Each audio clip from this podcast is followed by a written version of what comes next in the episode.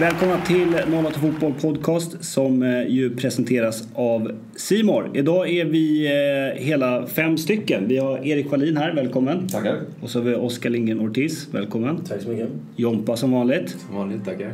Eh, Och så har vi Oskar Månsson som ju eh, blev en stor snackis förra veckan, kanske även den här veckan. Eh, Du har hoppat av Sportbladet. Eh, Först och främst, välkommen hit. Tack, tack. Eh, Berätta nu eh, för de som kanske inte har full koll varför du eh, hoppade av Sportbladet. Du är ju en väldigt populär journalist så det är ju många som saknar dig just nu i alla fall. Ja, det var fint sagt. Nu är jag här så nu behöver Ja. ingen sakna mig bland vänner. Nej, precis. Ehm, nej, det var så att jag var under en ganska lång tid missnöjd med olika förhållanden på jobben, eller på jobbet. Och eh, jag kom till en punkt där jag kände att jag inte ville vara kvar, helt enkelt. Ehm, om man är missnöjd så har man ju lite olika alternativ och eh, ett, är, ett av dem är bara att ändra förutsättningarna helt och det, och det är det jag har gjort nu. Jag slutade helt enkelt. Och då undrar ju säkert många, vad ska du göra nu då? Eh, ja, jag har lite olika planer. Just nu är jag väldigt eh, arbetslös. Eh, Häromdagen, eh, i förrgår tror jag det var, så eh, kom min eh, sambo hem. Jag hade bara legat i soffan en dag. Så jävla skönt. Och sen eh, när hon såg mig så sa hon Herregud vad du ser arbetslös ut. så eh, då hade jag glömt att titta mig i spegeln så jag hade väl en smutsig tröja, hawaiishorts och en arbetslös frisyr tror jag. Men... Det Eh, heter väl säga arbetsledig på norska, min tjej är norska. Ja, ja. Så det låter lite mer glassigt. Ja. arbetsbefriad kan man ju säga på svenska också. Precis, det, så kan vi säga. Ja. Men eh, det var ju inte så länge sedan du faktiskt tog ett break också. Eh, av en annan anledning. Ja, det stämmer. Eh, Det var ett ofrivilligt break. Det var förra hösten jag gick in i väggen då. Eh, också kopplat till eh, situationen på jobbet givetvis. Eh, Det är det ju alltid. Det handlar ju inte... Det handlar väldigt sällan om att du jobbar för mycket och det är liksom... Alltså att det bara är den liksom strikta arbetsbelastningen som gör att du hamnar där. Men ja, det är väl också en faktor som jag har vägt in. Jag har inte varit på väg mot något sånt tillstånd igen och det är jag väldigt glad för och det passar mig väldigt noga för. för det vet jag. Det tror jag att alla som varit med om att eh, man vet att det är på allvar. Eh, men eh, givetvis så eh, ställs ju saker på sin kant när man hamnar i en sån situation och då kanske man lite lättare att ta ett sånt beslut som är ganska stort ändå. Mm. Ja, verkligen. Du, eh, jag tänkte lite kort bara. Det, det är kanske inte alla som, alla som inte jobbar med liksom media och journalistik förstår eh, hur, hur liksom en svensk journalists vardag ser ut. Att det kanske bara, vissa kanske tror att det bara är glasset liksom. Att man, man sitter på pressläktaren och så intervjuar man lite spelare och sen skickar man det till sin arbetsgivare och sen går man och dricker bärs liksom som de gjorde på 70-talet typ. Eh, Men eh, för du har ju varit lite inne på det att förhållandena där just på Aftonbladet inte har varit sådär jättebra. Kan du försöka förklara för dem som kanske inte har jättebra insyn, alltså hur det är att vara journalist eh, i Sverige, i Stockholm 2015? Eh, Ja, det är ju förstås eh, från fall till fall. Eh, Det, är väl, det väl, finns väl knappt två journalister som jobbar på exakt samma sätt. Eh, Men det är ju en, eh, en stressig vardag är det ju såklart och det är höga krav och det är ganska hårt tryck liksom när det händer saker och ting. Eh, när man gör en större granskning som kanske är, vad vet jag, kontroversiell eller du eh, gör någon intervju som många reagerar på, då gäller det liksom vara spelbar eh, dygnet runt mer eller mindre. Ehm, och eh, jag upplever väl kanske att det inte finns så, så stort stöd för det här. Ehm, eh, det finns liksom ingen uppbyggd apparat för hur man jobbar med det som händer när man faktiskt går hem från jobbet, eh, som då händer reportrar framförallt.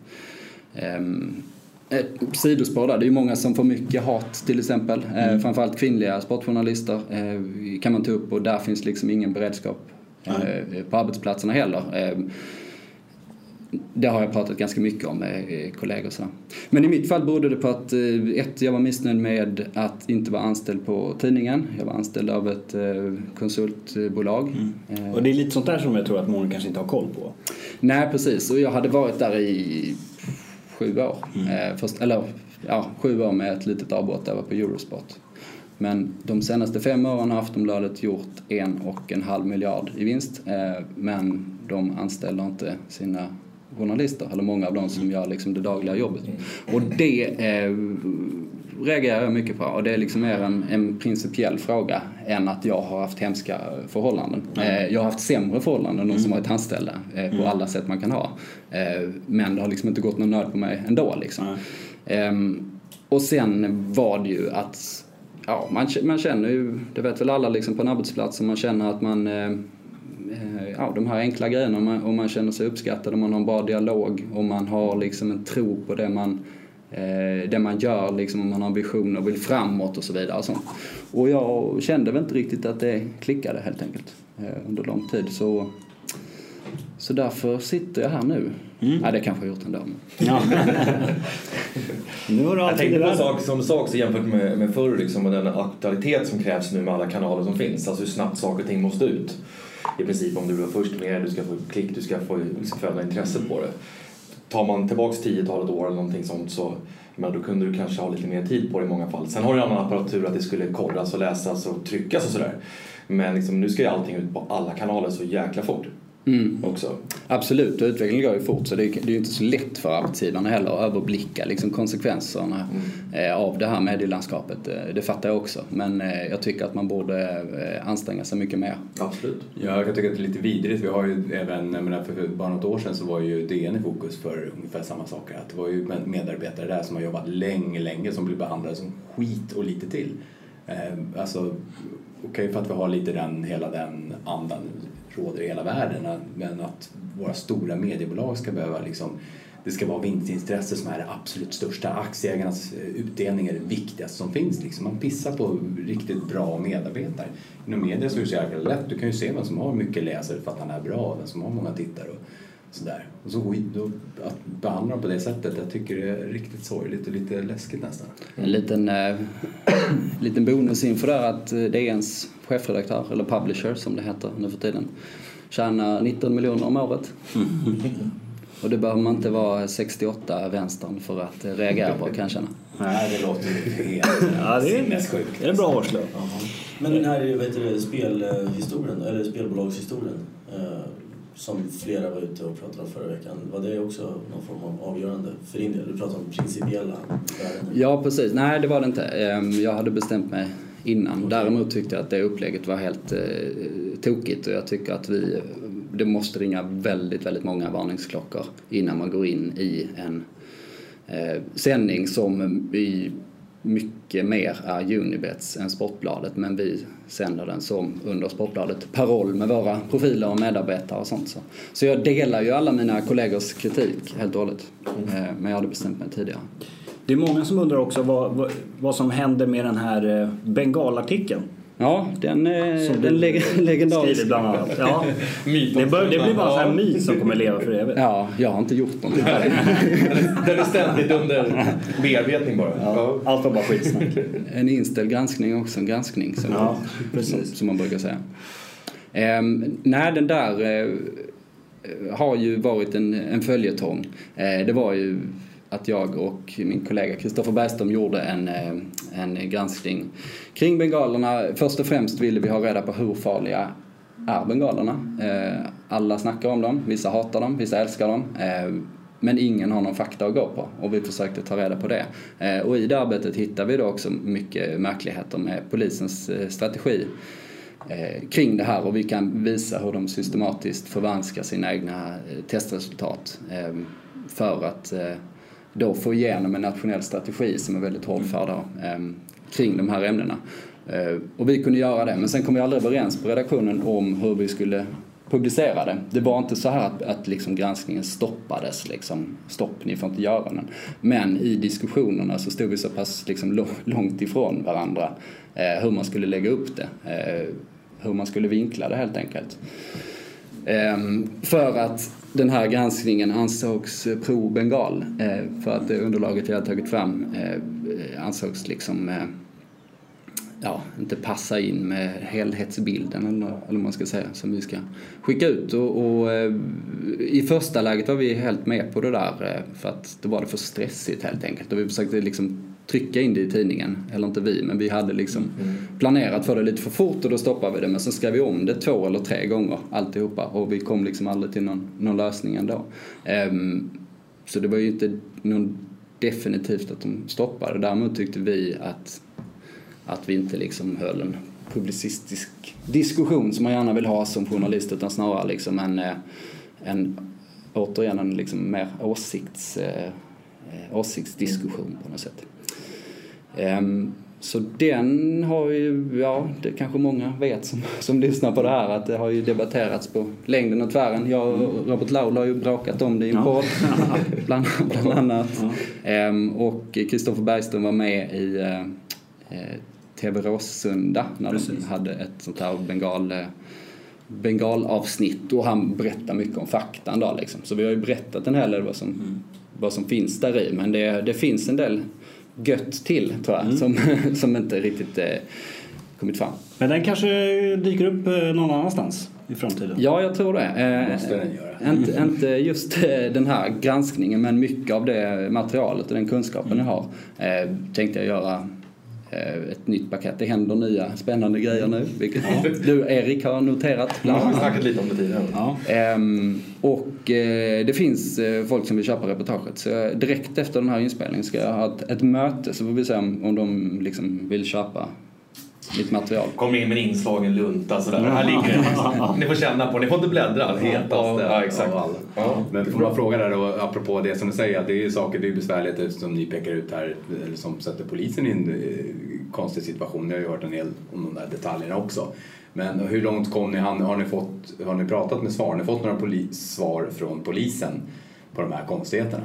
Ja, det har vi. Vi har givetvis konfronterat polisen kring det här och de får ju helt enkelt eh, backa på många punkter och erkänna att de har gjort fel helt enkelt. Vilket är eh, de har kommit långt känns det som. Det är ovanligt för polisen, ja. Ehm, eh, I andra, I andra frågor så hänvisar de till att, att de här testerna inte är fullständiga, att det finns andra typer av bengaler som, som, som numera används och så vidare. Och det, det är lite svåra uppgifter att kontrollera men vi har försökt kontrollera så, så långt vi kan. Liksom.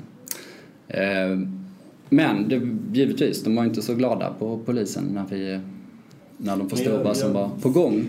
Ja, därför att jag undrar just att ni låg så långt ifrån varandra i hur ni ville publicera det. För jag kände att det borde ju vara i sig ett enormt nyhetsvärde för ja, exakt. uppdragsgivaren här, det ska, det ska inte vara något tvång att det ska finnas någon motpol, någon bengallover som, som, eller bengalhatare som att granskningen ändå liksom hittar fel, mm. att polisen har begått rena felaktigheter mm. uh, i arbetet. Det är ju ett... Ja, man tycker att det borde låta som en dröm för Aftonbladet. Ja. Ja, och eh, dessutom är det ju alltså det är uppe på regeringsnivå. Det är en nationell strategi som klubbas igenom på, på ett helt eh felaktigt faktaunderlag och det, mm. det är väl ganska graverande får man säga. Och det är väl lite det journalistik handlar om? Ja, exakt. Granska myndigheter. Och vi har fått loss varenda litet eh, protokoll och testresultat och utkast och strategi genom olika källor som vi har liksom, och kontakter som vi byggt upp under, under många år. Så det är liksom ett helt nytt material och vi tror vi kan förklara mycket eh, bakgrunden till den här frågan. Varför bryts matcherna plötsligt? Eh, att de har brutits på, eh, på Friends och eh, Tele2 kan man givetvis förstå med tanke att där ligger ju röken kvar på ett helt annat sätt mm. än vad det gör på alla andra arenor. Mm. Eh, det är liksom en ny faktor som man, som man får ta in. Eh, och eh, sen har ju de kanske brutits för länge, det kan, det kan nog de flesta vara överens om. Men ehm, där kan vi åtminstone ge ett, ett ganska bra svar på, på varför, varför plötsligt är det så här. För att det är inget nytt fenomen att folk eh, bränner bengaler på läktarna. Nej. Vi, eh, vi måste rulla på lite. För det är, så. Vi har ibland haft en guldstrid med AIK att snacka om. Men eh, vi kommer ändå stanna kvar lite vid bengaler. Och, eh, det kanske blir lite mindre matchsurr. Det spelas ju matcher redan ikväll till och med. Det är helt galet tempo just nu. Men apropå bengaler så vi har ju suttit här i jag vet inte hur många år och avsnitt och snackat om att vi gillar bengaler och, och, och allt det där. Eh, så hände det ju en grej på eh, Gamla Ullevi eh, i söndags där från eh, Hammarbys sektion kastades det bengaler mot Göteborgs sektion och det kastades även bengal tillbaka från Göteborgs sektionen till Hammarbys sektionen. Det kastades några bengaler helt enkelt mellan varandra och då, och då känner jag jag såg faktiskt inte matchen. Eh, jag har bara sett bilder efteråt och sådär. Så att jag är inte liksom rätt person att uttala mig om de där händelserna. Men det jag känner i alla fall att som, som en person som är pro pyroteknik och man är mitt i den här diskussionen, så här, ja, ska man ha bengaler eller inte? Så blir det lite svårt att säga någonting mot de som är emot bengalen när sånt här händer. För ja, då visar man ju att det är livsfarligt, ja, det, ja, det den, som händer. Alltså den är klockren. Får vi någon gång ett totalförbud mot bengaler då vill jag för guds skull att alla de här som har skött det i jättemånga år, som vi hyllar, de som har mm. skött det på rätt sätt, som har liksom hjälpt till att skapa en fantastisk stämning på våra matcher. Vänd för guds skull ilskan mot de här idioterna. För om man som, som en tänkande, agerande människa väljer att kasta ett brinnande föremål mot helt okända andra människor då behöver man hjälp någonstans. Då ska mm. man lagföras och man ska, ja, man ska straffas. Ja, jag tycker det kan klassas som motförsök. Om du väljer att kasta den mot en position där det finns massvis med människor, en sån person ska straffas.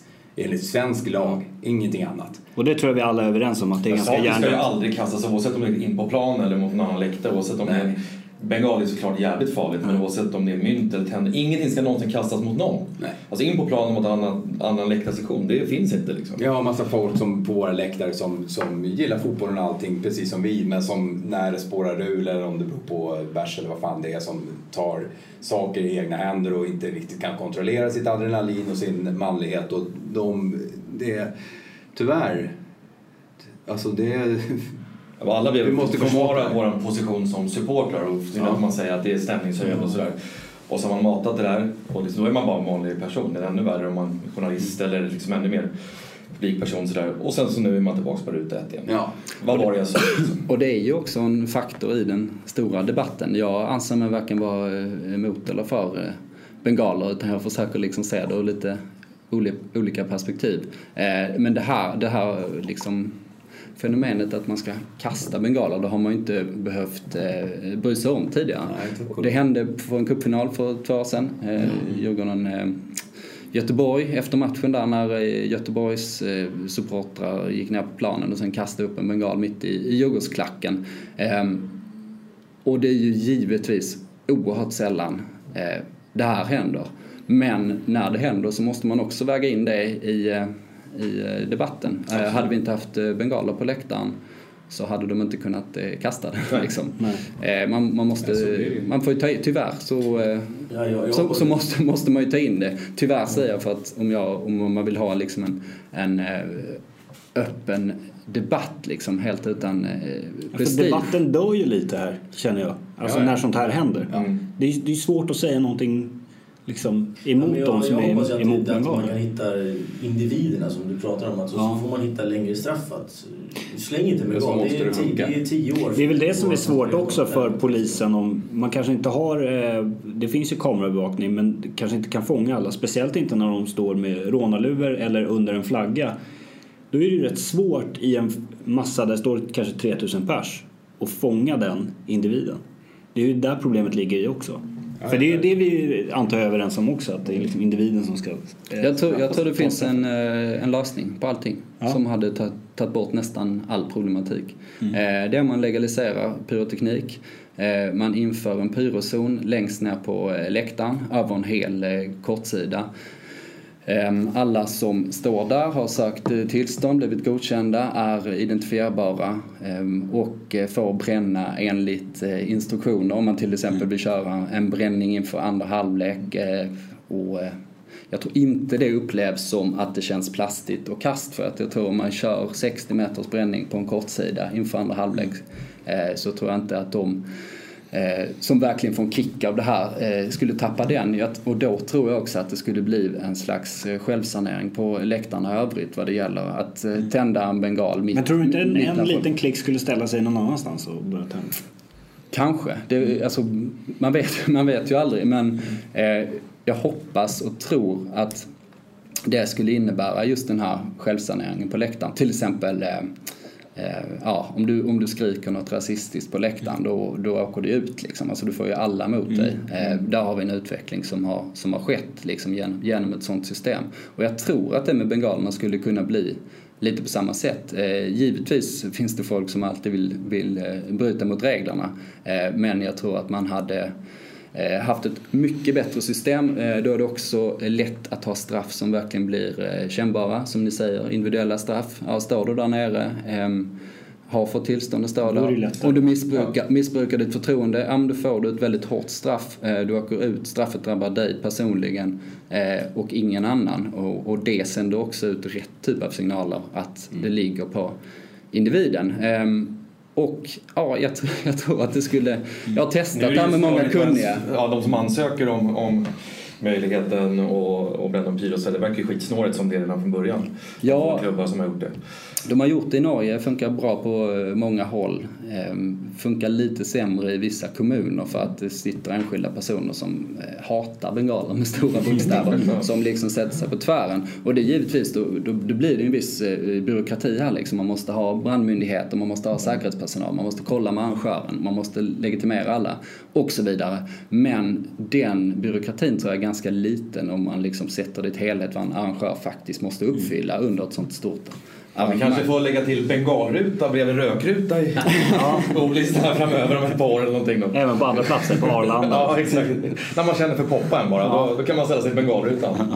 Jag var ute på plats i Göteborg, jag försökte lyssna lite med de som var där och så, men för att jag kan, alltså, det förvånar mig inte alls om det här, han som valde att kasta upp den här, nu var det ju flera bengaler som kastades, men de är ju inte så speciellt populära som de som vill bränna bengaler heller, för de vet ju precis lika mycket hur hur mycket det här skadar bengal, hela bengaldebatten. Mm. Eh, men det är ju så man egentligen vill ha det. Att den, det resten av folket i klacken ska, ska ta tag Nu ska inte någon spöas på som en jävla medeltida urskiljning. Men att, att de i klacken talar om det här är inte okej. Okay. Du står du skämmer ut Hammarby, du skämmer ut hela Bayern fans, du skämmer ut hela klacken, du skadar PR-värde och allting vad du vill kalla det för Hammarby. Liksom. Att göra en sån grej. Det var alla i hela Sverige har sett det där vad som hände. Ja, så har vi varit. Alltså, vi har också haft så. Kamratuppfostran och ja. citationstecken. Det, att man... det viktiga är att det då blir en påföljd också så att det inte bara handlar om att säga, ah, nu fick jag skita och gå och på en annan läktare nästa gång och göra någonting annat. Ja, men exakt. Alltså, du, faktiskt blir, jag tycker att eh, ja, England är väl modellen där, men med hårda straff. Du får inte besöka en arena på si och så. Nej, för, det, det, det, för då svider det om man hårt. faktiskt gillar sitt lag. Då.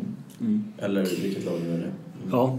Eh, apropå uh, läktarincidenter, det hände ju även en del på Tele2 Arena när ja. Djurgården mötte Malmö.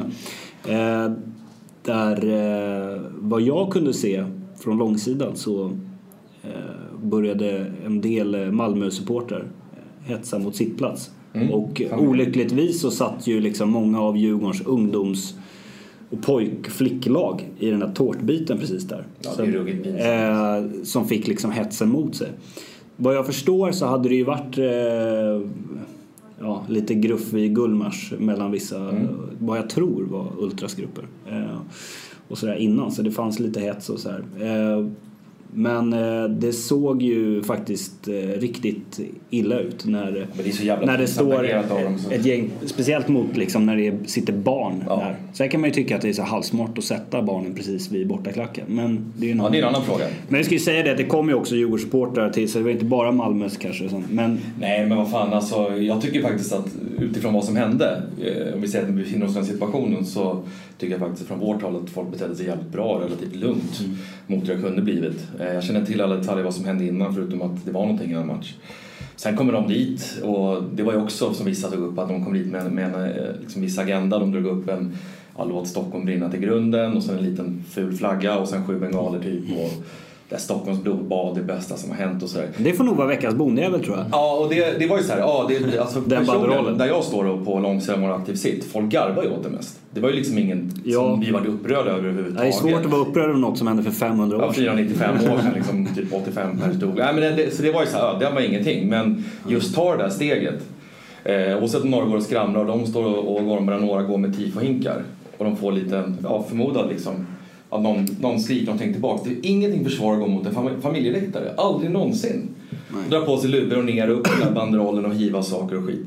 Mm. Um, det är under all jävla kritik. Det är riktigt pinsamt alltså. Det som jag tyckte var kul att se var att när jag hoppade av tunnelbanan senare på vägen hem så mötte jag några av de här eh, kidsen som hade varit där med sitt respektive lag. Liksom. Och de sprang och var jätteglada och sjöng mm. Djurgårdsramsor. Så att jag tror det säkert fanns ganska många som tyckte att det var riktigt upp, obehagligt och, och, så här, och kanske inte vill komma tillbaka. Men jag såg att det var väldigt många som faktiskt ändå var, var glada. Och trots, det var ju en förlust också. Så att, ja. eh, så att då, ja. De var, alla var inte helt skrämda. Det var aldrig okej okay, liksom. Och, och, och eh, från Djurgårdens håll gick man ut med en, jag förstår varför man gjorde man gick ut med en ursäkt för det som hade inträffat och så vidare. Mm. Lite olyckligt nog så fick det att framstå ungefär som att vi hade gjort något fel, vilket jag tycker att vi inte hade gjort i det här fallet. Det är fullt naturligt att folk söker sig ditåt när den här liksom situationen uppstår. Och mm. så, så uppfattade inte jag faktiskt. Jag tyckte det var bra skriven, lite lagom. Den riktar sig till övriga, alla övriga ja. 20 000 på den här läktaren som ställer på arenan. Att det här, man vill bara tala om att det här var inte okej. Okay. Jo, det ska, man ju göra. Vi ska, vi ska se till att det inte händer nästa gång. Precis, och det ska man ju göra. Det är väl kanske ja, det var en annan som är lite färgad som tycker att så här, men, ja. kom igen, det kunde skett 50 gånger värre. Ja. Eh, som, alltså eftermälen efter en sån här grej händer. Alltså när, när de står sådär, det händer ju då och då, gärna inte där, men att man står en läktare ifrån varandra och står och vevar och viftar och det ser så manligt och neandertaligt ut. Där skulle jag vilja ha en, en helt iskall så här sprinkler. Mm. Som bara kör igång. Ja. Bara kyla ner lite grann. Eller en ölslang. De som står med maskerade, det får vi på Ullevi också. De kommer dit med har Göteborgsloggan på masken liksom och drar på mm. den och står där och viftar och vevar så nära de kommer liksom. Där kan man vara lagom tuff tror jag. Det är ingen dum idé. Nej men eller hur? Iskall sprinkler, inte någon vattenkanon som folk skjuter på läktaren. Men så, så, så man verkligen bryter. Ja. Blåser bort en hel bortaläktare. För då är man inte så jäkla kaxig längre om man blir kall ända in till kallingarna liksom. De gjorde ju det någonstans, um, um, jag kommer inte ihåg var det var, men det var i alla fall i någon stad i landet för några år sedan där det hängde en massa stökiga kids utanför typ en liten eh, affär, en liten butik som stod där liksom och, och ställde till liv liksom och, och, kunderna blev irriterade. Men de som ägde affären de satte upp så här, stora högtalare och började spela klassisk musik där. Genialt! Ja, de löste problemet på en dag, sen var det aldrig någon mer. Just musikvalet ja. Vi drar, det här är inget kul längre. Det känns, det känns inte lika tufft längre. ja, nej, det var en jävla tråkig incident i alla fall och mm. helt, som mycket av den här skiten, helt jävla onödig liksom. Ja. Och dessutom de men som du var inne på också, just att, eller som vi snackade om här, att uh, man som support, försvarare av supportrar hamnar man på ruta noll igen. Mm. När man då säger att det är mycket positivt på läktaren och folk sköter sig och sen så då springer folk och hetsar mot en barnläktare, en familjeläktare. Det är verkligen så här, vi drar ner alla i skiten igen. Ja, nej, men det, det, det blir neandertalarnivå på det. För ja. det är, vad, vad vill man ut av det? Det är bedrövligt. Och på andra sidan satt uh, ett några djurgårdar som hade tagit med 40 eh, ensamkommande flyktingbarn mm. som eh, har flytt från krig och hemskheter som får gå på en fotbollsmatch, får bli en mm. del av liksom idrottens eh, gemenskap. Ja, de mm. kontrasterna kan man ju fundera ja, lite Bra att du tog upp det. Det var ju faktiskt... Det skrevs inte lika mycket om. Det är Nej. den positiva ja. biten. Vi fick lite av, ja det stod en del om det i Hamid som, mm. som vi kände som fantastiskt bra initiativ. Ja. Eh, och vad jag hört så var det ingen som i alla fall har varit rädd sånt men det är ju ganska naturligt att det de har med sig i bagaget liksom kommer upp till ytan och sånt här händer också. Ja. Eh, lyckligtvis har jag inte hört någonting om det. Men... I kontrast gör ju det att sådana där incidenter känns ju ännu larvigare. Ja. När man vet vad vissa andra på läktaren har varit med om. Ja. Eh, så står folk och hetsar så här och attackerar barn bara för att de håller på ett annat lag. Känns ju så här halvhög Där är det ju, eh, det låter ju kanske lite mjukt men jag tror det är faktiskt de mjuka värdena man måste jobba med där. Det är ju ett långsiktigt attitydarbete hur man beter mm. sig som supporter och sånt som, som är lösningen. Så givetvis måste alla eh, vara tydliga och fördöma och eh, man måste givetvis försöka lagföra de här personerna, vilket är svårt för alla maskerade. Så, så den, den problematiken löser man inte så lätt. Men men jag vet att AIK till exempel har en eh, supporterakademi eh, där de utbildar sina eh, supportrar från typ tonåren upp till 25 eller någonting. Och dels bjuder in dem i gemenskapen på ett, på ett bra sätt men också liksom, eh, berättar hur man ska bete sig som eh, supporter. Hur man liksom kan påverka bilden av sitt lag på olika sätt och sånt där. Det är ett, det är ett intressant initiativ. Mm. Liksom. Mm. Jag tror det är väldigt, väldigt nyttigt att det verkligen kommer upp sådär. För att jag kommer ihåg när jag åkte på bortamatcher 17-18 så sa killen längst fram i bussen så, ja, nu tänker vi på att vi representerar AIK här nu så nu sköter vi oss. Och så i första pisspausen så bara liksom... Nu går vi och rånar en kiosk istället. Ja, så det var liksom inte så, det var typ den nivån det låg på då. Att så här, tänk på att sköta det. Men det gjorde ingen i alla fall. Så det är mycket bra att det... Jag, vet, jag tror att Göran Rickmer pratade om det i Nyhetsmorgon. Alltså Bayerns säkerhetsansvarig. Om att eh, just att eh, om man, hela, om man för det mesta pratar om det positiva inom supporterkultur och hur man ska bete sig på ett positivt sätt så kommer folk i beteendemönster alltså haka på det. Mm. Eh, om man bara pratar om att så här, alla är sviniga, alla är så här, då blir det nästan som att det är så man ska vara som supporter för det är ju det enda folk pratar om. Men om man bara pratar om att det är klart man inte ska ignorera problemen men om man ändå pratar om men för det, mesta om, om hur, hur, man, hur man ska sköta sig på ett bra sätt och vad som är liksom ett schysst beteende så kommer fler haka på. Men vi har ju kommit jäkligt långt. Kolla på hur mycket publik vi har. Djurgården hade 20 000 i helgen. Hur många var det? Var det 10 pers sammanlagt som stod och gruffade mot varandra där kanske? Ja. Eh, I Göteborg så var det fyra eller fem som valde att kasta bengalen och några som står och viftar med armarna på 16 17 000 åskådare. Vi har ju kommit jäkligt långt. Det är ju mm i klackarna så är det väldigt mycket självsanering redan nu. Men det får ju fantastiskt stor uppmärksamhet, självklart, när någon slänger brinnande bengaler mot eh, oskyldiga människor. Ja, så är det. Mycket ansvar ligger väl också på liksom, de äldre som inte var men när man själv började resa och var yngre och så vidare. Man plockade ju alltid ut, eller liksom, det var ju för personer man såg upp till. Och sen hur de betedde sig, men det återspeglar man en själv. Sen säger inte jag om den personen gick och slog sönder någonting så gjorde jag det för sakens skull heller.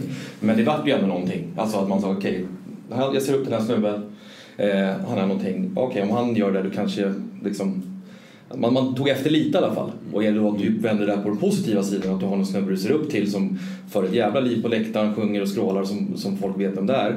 Och han säger att liksom, det, här är, det här är inte acceptabelt, så här jobbar vi inte. Då kommer det också falla efter. Ja. Likadant med spelarna där tror jag, eh, som har en möjlighet eh, att vara förebilder precis på det här sättet. Liksom.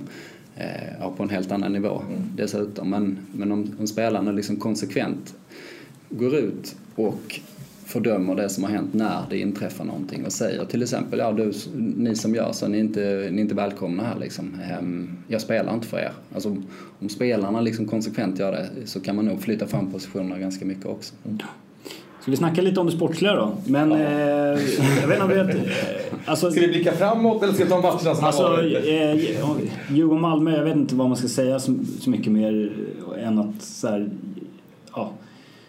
Djurgården hade rätt bra spel offensivt, men det var kassa avslut helt enkelt. Och ja. Malmö hade lite bättre avslut. Och typ, Spetsen saknades, avsluten saknades och tyvärr det som var vår styrka i början på säsongen. Att det, det slarvas lite bakåt och så vidare. Men det är ju den där spetsen. Alltså man, man kommer inte till och backlinjen är lite svajig. Den har varit så i typ fem matcher nu. Ja. Och man lyckas med saker som inte... Ja, alltså det existerade inte i början på säsongen. Jag vet inte vad det kan bero på. Men det är ju tydligen en, alltså det är en trend. Det, är, det har ju hänt så pass många matcher i rad att vår styrka har faktiskt blivit... Ja, den har försvunnit. Och har man inte då spetsen där framme som vi inte har för tillfället, ja, då, då vinner man inga matcher tyvärr. Mm. Eh, jag behöver inte nämna någon namn. Det låter ju jättekul att kolla på Norrköping i Djurgården. Ja men det händer ju alltid. Det är ju så sport funkar men det kan ju inte gå till helvete jämt. Malmö är ju ett bra lag kan man säga. Det är i och för sig Norrköping också. Mm. Men eh, Norrköping de har ju, ja det är kanske lite lösare försvar än de har ruggigt bra offensiv så det kanske blir lite ja, målfest där nere. Ja. Vart är det senast? Norrköping spelade alltså? Nu är det. Deras, de, de var med 5-1 över Sundsvall. Så de är i hyfsad ja. form. De har väl gjort typ 11 mål på sista 3-4 matcherna eller någonting. Ska vi säga något om Bayern Resultatmässigt förlorade mot Blåvitt. Det var ju typ det alla förutom kanske några tappra bajare hade typ sett framför sig. Ja, att det skulle bli så. Som jag sa, vi har ju så jäkla svårt att göra mål för att första halvlek kör de över oss helt spelmässigt. Men då är det hyfsat. Det, det är en bra defensiv av Hammarby. De kom, vi, vi stoppar dem, vi hänger på, vi ligger tätt på dem. De har ett ett antal anfall men kommer liksom inte riktigt till något bra avslut. Eh, sen har de ju målet och målet, jag kan inte se någon försvarsmiss där heller. Magyar hänger på, han är tätt, tätt, tätt på han som slår inlägget och de, tar, de har varsin kille där inne. Jag vet fortfarande inte riktigt hur den här bollen går in via ribban, stolpen så för att eh, Solheim är där, han bevakar honom, han täcker honom men den går på något sätt över och in via så. så det, var, det var ändå någon sorts stolthet där att vi, ja, Göteborg är jättebra just nu. Och ändå så efter det så tar vi över en del och lyckas faktiskt pressa Göteborg ett tag, skapa riktigt bra målchanser. Borde ha gjort mål, men vi, vi, har, vi behöver ju 15 riktigt bra målchanser för att göra mål. ja, ja. Men nu gjorde i alla fall ingen årets match i Göteborgsmålet. Nej, nej, det behövdes inte. Så skarpa var vi inte framåt. Men det var ändå, det var ändå, andra halvlek var okej okay från Hammarby tycker jag. Vi, vi skapar en hel del mot ändå serieledaren liksom på bortaplan. Och Ni är inte de första som är nollade av Göteborg. De har släppt in 13 exakt. mål fortfarande, eller vad är det? Ja, på 24 matcher. Trist att Bayern inte kunde hjälpa till i guldracet, eller hur Nej, det Oskar? var ingen som hjälpte till. Det var bara Broberg som visade att han fortfarande vill att AIK ska vinna.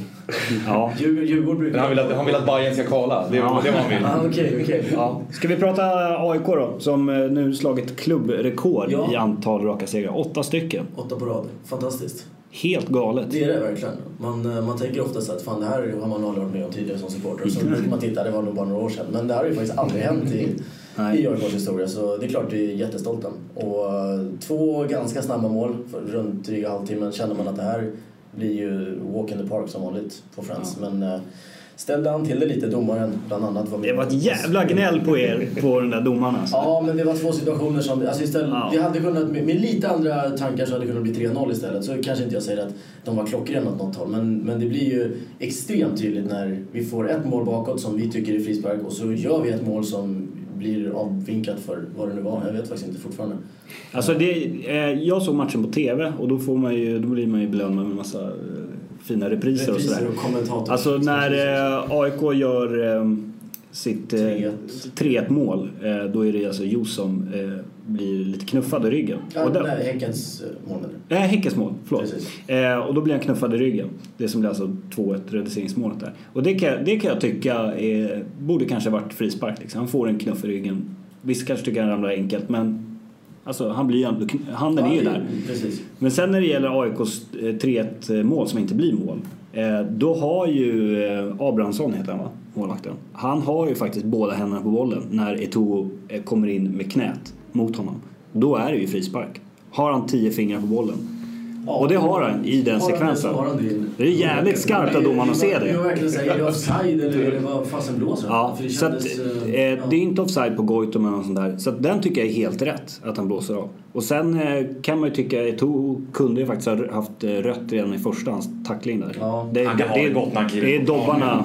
Jo, det, Och det är, en, eh, det är också en viss så, så tycker jag då såklart färgad av AIK här, men att som, som domare så kanske man kan ha en viss känsla av att...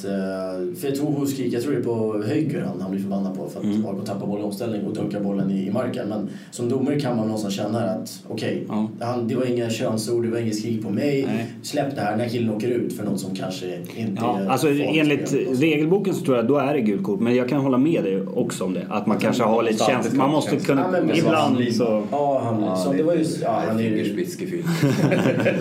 Otippat att Jompa eh, inte gillar Nej men alltså jag kan köpa det att det är lite väl hårt så här, Ja. när man redan är banan. Men Det enligt regelboken, vi- om man ska vara paragrafryttare så har han Precis, inte men det är väl det som de, de bra domarna är inte det. Utan de bra domarna har lite fingertoppskänsla och dialog med spelarna. Och kan man säga till ett att fan du har en varning, gör inte så här igen. För då riskerar du att åka. Nu, ursäkta, nu spelar vi utan både Henok och eh, Dixon ikväll då. Ja. Eh, Och i efterhand så kanske vi kände att så här, ja men det var nog bra i alla fall att Henok tog den. Så att vi har honom, eh, nu är han nollad till eh, i övriga... Ja. Ja, men, det är många i AIK som riskerar avstängning Ja, det fortfarande. är det. Men är det någon match vi ska klara oss utan Henok så, så är det ju Sundsvall. Speciellt nu med Brustad tillbaka. Oskar, du, eh, du dansar in här i konferensrummet och sa att ni snart är bäst i Europa också.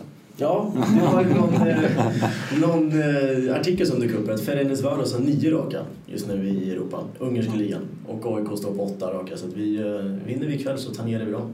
Ja. Sen tar vi derbyt så blir det två skallar. Två Det är också ett mål med säsongen. Då blir det hybris kanske. Ja, verkligen. Men eh, precis när jag gick in också så Lu- Lund eh, bloggade ut precis. Han inte läsa hela men att eh, AIK är i front race för den här Ja. Det har ju vi varit inne på ganska länge i Ja, kan jag, kan jag ta ett eh, stickspår här bara? Ja. Eller inte stickspår, men apropå eh, vem som vinner. Jag satt och räknade på det igår kväll.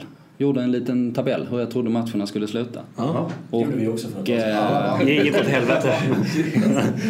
Ehm, och jag tror att, eh, ja, enligt min uträkning, att så kommer AIK vinna med typ fem poäng till sist. De har ett eh, jäkligt bra spelschema jämfört med de andra faktiskt. Sundsvall borta, bra chans tre poäng. Hammarby borta, men ett derby, bra chans tre poäng. Malmö hemma. Ja. Jättebra. Ett kryss satt jag där. Halmstad borta. Göteborg hemma. Örebro borta. Det finns möjligheter att vinna alla. De tuffa lagen har ni på hemmaplan, men där är ni bra tyvärr. Ja. Örebro, är förmodligen klara som det ser ut om de fortsätter så här. Halmstad är riktigt risiga så den ska vi nog också vinna. Så det är, det är de här det blir ju crucial matcher mot Malmö och Göteborg. Men så kan ju säga också att om vi inte vinner dem eller förlorar dem, då är vi ju inte bäst heller. Så att, Nej, och sen eh, om vi har Göteborg då till exempel. De matcherna som jag har räknat på att de får noll poäng är Elfsborg borta och AIK borta. De har dessutom Djurgården borta. Där satte jag ett kryss. Eh, men det är ju rätt mycket svåra matcher. Norrköping har Elfsborg borta och Malmö borta. Ja, du tror att Norrköping vinner mot Djurgården ikväll alltså? Ehm, ja, där satte mm. jag en mm. trea på den. Ja. Men enligt min exakta uträkning här så då har jag räknat ut att AIK ska få 17 poäng och de andra tar 10 bara på slutet. Så, så ja, man, det är en extrem om man, skillnad. Om man räknar på... Det värsta jag hört Måns. det låter som mig när jag satt och tittade. Ja, exakt. Ja, det låter bra. Bygg, ja, ni, bygg, upp, bygg upp hybrisen. Ja, ni, ni, ni, får gärna... Desto hårdare faller de sig. Yeah. Ni, får, ni får gärna säga emot. Men det blev en liten ögonöppnare för mig. Så att om, jag, hade, om jag hade bettat på vem som vinner alltså, jag så hade jag helt absolut... med om att eh, AIK är i förarsätet trots att de inte sitter i, i etta.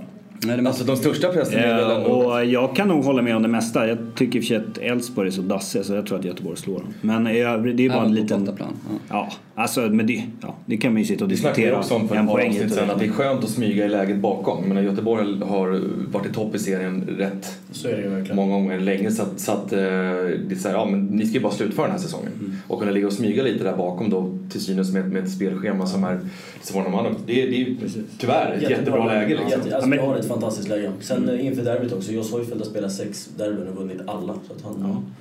Eller om det är sjunde. Akta dig för den jinxen. Men, nej, men det som talar för Blåvitt är väl just det att de har varit i serieledare nästan hela säsongen. Så att de har varit väldigt jämnt och hållit liksom en hög högsta nivå. Och försvaret fortsätter att hålla för dem. Så att... ja. ja, det är det som blir deras guldvapen. Så. Att om de skulle lyckas nolla den här lagen mm. i toppmatcherna.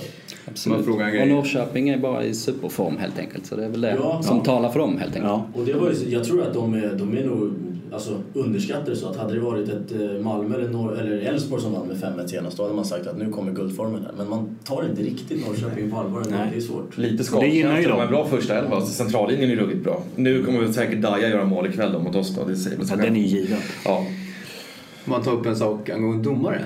Ja, ja, det, är klart, ja. det är klart du får. Ja, men det var lite intressant. Det var en kille som, som la upp på Twitter innan Hammarbys match att eh, Al-Hakim och Lennartsson stod och surrade på ett hotell två timmar innan match.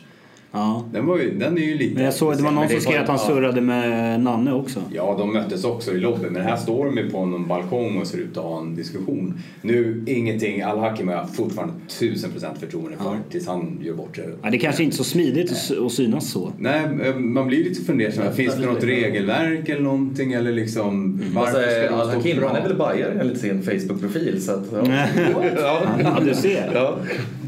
Och ändå fick vi inget straff. Nej. Ja, men det var lite intressant att den dök upp där. Det kändes ja, på matchdag? Alltså, ja, två timmar innan match. Okay. Så syns de. Och då, Står och röker en cigg och tar en GT. Och ett kuvert åker in. Och... Ja. Står och skakar hand länge. Får jag ta en till sak angående Malmö?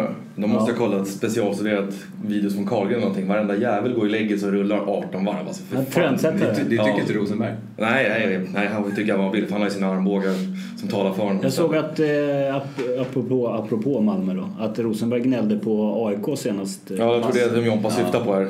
Ja, att eh, de bara maskar och slår långbollar. Men det är väl fan precis det MFF gör när de möter lite större motstånd Verkligen. i Champions League. Och det är inget fel med det så länge Nej. man når resultat. Men då får vi nästan fråga dig Oskar i så fall som neutral här. För jag tycker inte att AIK för nu har det blivit en grej på Carlgren. Eh, blivit en grej? Ja, den säger sig själv. Senaste matchen var det ändå ingenting trots att vi leder. Sådär. Men eh, jag vet inte, jag tycker inte att AIK är, är värre än, än Malmö i alla fall. Eh, nej, alltså om man tittar på hur Malmö har spelat i, eh, i Champions League så är det ju eh, ett extremt eh, parkera bussen-spel. De har ju spelat 5-3-2 och de har ju dessutom haft en sittande mittfältare i ett sånt system. Ehm, så, and, alltså, så givetvis kan man Alltså, jag tycker aldrig man kan kritisera ett lag för, för hur de spelar. Jag tycker, jag tycker faktiskt inte det. För folk kanske vill eh, att ett lag ska se ut på ett visst sätt men eh, de uttalanden kommer ju alltid från eh, ett lag som har spelat 0-0 eller förlorat mm. med 0-1 på hemmaplan mot någon annan liksom. Eh, så, så ja, den där kritiken tar jag inte så hårt på. Å andra sidan så tar jag inte så jättehårt på det uttalandet heller. Alltså det är liksom Ja. Men tycker du att, han, han snackar väl fritt liksom och är lite frustrerad ja. sådär. Jag vet inte. Tycker du AIK maskar mer än något annat lag? Eh, nej, det kan jag inte säga att de... Tycker du Karlgren maskar med någon annan målvakt? Det måste vara såklart ja. Ja, det gör jag nog. åtminstone, åtminstone i den matchen. Eh, men ja, det vet ju alla som eh, kan fotbollen att man kan, eh, man kan ju tänja på reglerna och att eh, till en viss gräns och att just maska eh, när man leder på bortaplan här eh, liksom. Apropå... Det är väl ett helt okej okay, eh, liksom, ögonkänneri. Jag tycker också att de har blivit hårdare på det. Alltså att det blir 5-6 minuter ibland. Ja, övertid, vilket inte var förut. Då var det tre standard hela tiden. Apropå maska och fula sig lite. Jotun eh, låg ju halvdöd i eh, första halvlek var det va? Ja. ja eh, på eh, Djurgårdens planhalva, eller på deras planhalva. Eh, och eh, Sen, eh, ja, han väntade på att domaren skulle blåsa av, vilket han inte gjorde. Sen kom bollen där och bara flög han upp som en raket och, och började. Ja. Och sen så satt, det var bra av domaren. Sen satte han sig ner lite igen och sen så, ja, sen var han upp igen så kom bollen tillbaka och så då var han upp igen. Då mådde han prima liksom. där att det var lite vissel, orkan mot honom där.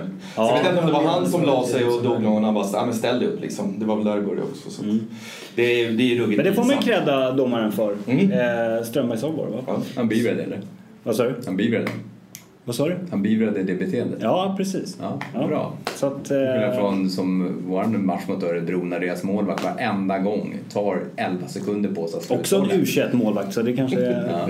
ja, klack, klack, publiken står och räknar varenda gång och då går upp till 11 och domaren antyder inte ens att här, sätta igång spelet. Nej. Han gör det från första halvlek och hela matchen ut. Det är ju där domarna ska gå in. Man får maska hur mycket man vill men går det över gränsen så ska domaren vara där. Al-Hakim eller Eriksson hade gått fram och sagt hörru, skärp dig nu. Ja. Karlgren för övrigt på två varningar. Riskerar avstängning. Ja, det är därför han slutar maska. ja, precis. Det är, det är precis Nej, honom vill vi inte klara oss utan. Ska vi avrunda lite då och eh, vi snackar inte så mycket om eh, matcherna ikväll. De som lyssnar eh, kanske lyssnar så sent att matcherna redan spelats. Eh, men det är derby på söndag. Mm. Söndag av alla dagar. Eh, jag gillar inte det alls. Nej. Måndag, måndag Och där eh, egentligen spelmässigt då allting talar för AIK. Det beror ju på lite på resultaten och form kanske ikväll då sådär. Men... Ja, det känns som att det spelar någon roll. Det är fortfarande Nej. AIK som är favoriter. Vad säger du eh, Oskar, rent spelmässigt då? Ja, eh, jag vet att många tycker att Jompa alltid spelar ut eh, liksom med, vad ska man säga, martyrkortet här. Men jag har ju sett nästan alla Hammarbys eh, matcher och den här, vi får inte in bollen grejen, det är ju ofta, liksom, ja, det är ofta den enkla förklaringen men det är ju exakt så det är. Alltså det har missat så otroligt många chanser i, i, i matcherna. Eh, det var nog, jag tror det är ett allsvenskt rekord i, i bommade chanser. Ehm, dels beror det på att man inte har eh, kvalitet tillräckligt och, och vissa spelare har liksom inte har inte hittat formen än. Liksom. Typ Kalili har ju kvaliteten men han kom ju från ett långt uppehåll. Men jag tror också att Hammarby spelar lite för fort. Alltså för fort för sitt eget bästa. Mm. Nanne har ju en extremt tydlig bild om sin fartfotboll och, och hur den ska gå till. Eh, men i många lägen så saknas ju kylan för att man liksom stressar iväg bollen och, och dyker det ut en andra boll till Johan Persson till exempel då då kommer han ju dra på volley direkt och han har ju aldrig varit närmare än 6 meter. att träffa, men jag tror det är lite, alltså spelarna blir lite, lite för uppskruvade de, och behärskar inte riktigt det spelet. Sen vill ju Nanne, han vill ju utveckla någonting eh, och säger att det finns liksom en, en väldigt långsiktig plan på att vi ska komma dit och mm. ja, kanske. Eh, I så fall skulle det kunna bli väldigt bra men eh, jag, jag, tror, jag tror det är en stor förklaring till att, att du missar så ja, makalöst mycket chanser. Så ditt eh, tips till Hammarby är alltså kanske hålla i bollen lite mer? Och... Smartare av spelarna kanske? Ja, Skulle det vara ähm... Nanne som säger att dra ner på tempot liksom. Nej precis, man kan väl, jag tror att en sån som eh, Nahid Besada var superviktig där för mm. han är ju en, en kreativ spelare med ett naturligt lugn i sig som inte vill sätta bollen på eh, ett tillslag om man är vid straffområdet utan snarare... Å andra sidan borde Kennedy klara av det. Ja, eh, han är ju också den spelaren men, men Kennedy är ju inte alls i form. Mm. Han var ju det han var ju superbra i våras mm. när Besada också var i bra form och då kunde de två liksom kompensera den här eller då kunde de stå liksom för kylan och det lite mer mm. finurliga. Men, men det saknas just nu. Ja. Vad säger du Oskar? Jag tycker det är jättemycket som talar för... Är ni för mycket favorit? Då kanske ja, man blir man lite orolig. När allt att förlora. Nej, det skulle jag inte säga ändå. För att oavsett resultat ikväll så har vi ändå en jättebra resultatrad. Mm. Om vi nu skulle ha vunnit åtta av de nio senaste, eller nio av nio. Så, sen har vi ju aldrig förlorat på Tele2. Och inför förra derbyt mot Djurgården så var vi ju det var ju, en, det var ju en, en vägdelare över hela säsongen. Där vi förlorat hade Djurgården seglat ifrån och vi hade kunnat glömma guld och allt vad det så att, eh, Nu känns det ju som att den här matchen, eh, inte, inte städa av, men det är ju ett lag i en tabellposition som, som vi ska vara bättre än. Jag tycker också Hojfeldt har stärkt upp försvaret. Vi har fortfarande ett väldigt bra anfallsspel. Och eh, med Brustad nu som har börjat leverera så, så har vi nästan tre spelare som, som är hot där framme. Så det, ja, jag tror Bayern kommer naturligtvis sälja sig väldigt dyrt och stämning och allt sånt där kommer vara jättebra. Och det pumpar ju upp adrenalin för spelarna. Men eh, jag tror att AIK vinner med, kanske bara med ett mål, men, men det räcker ändå för tre poäng.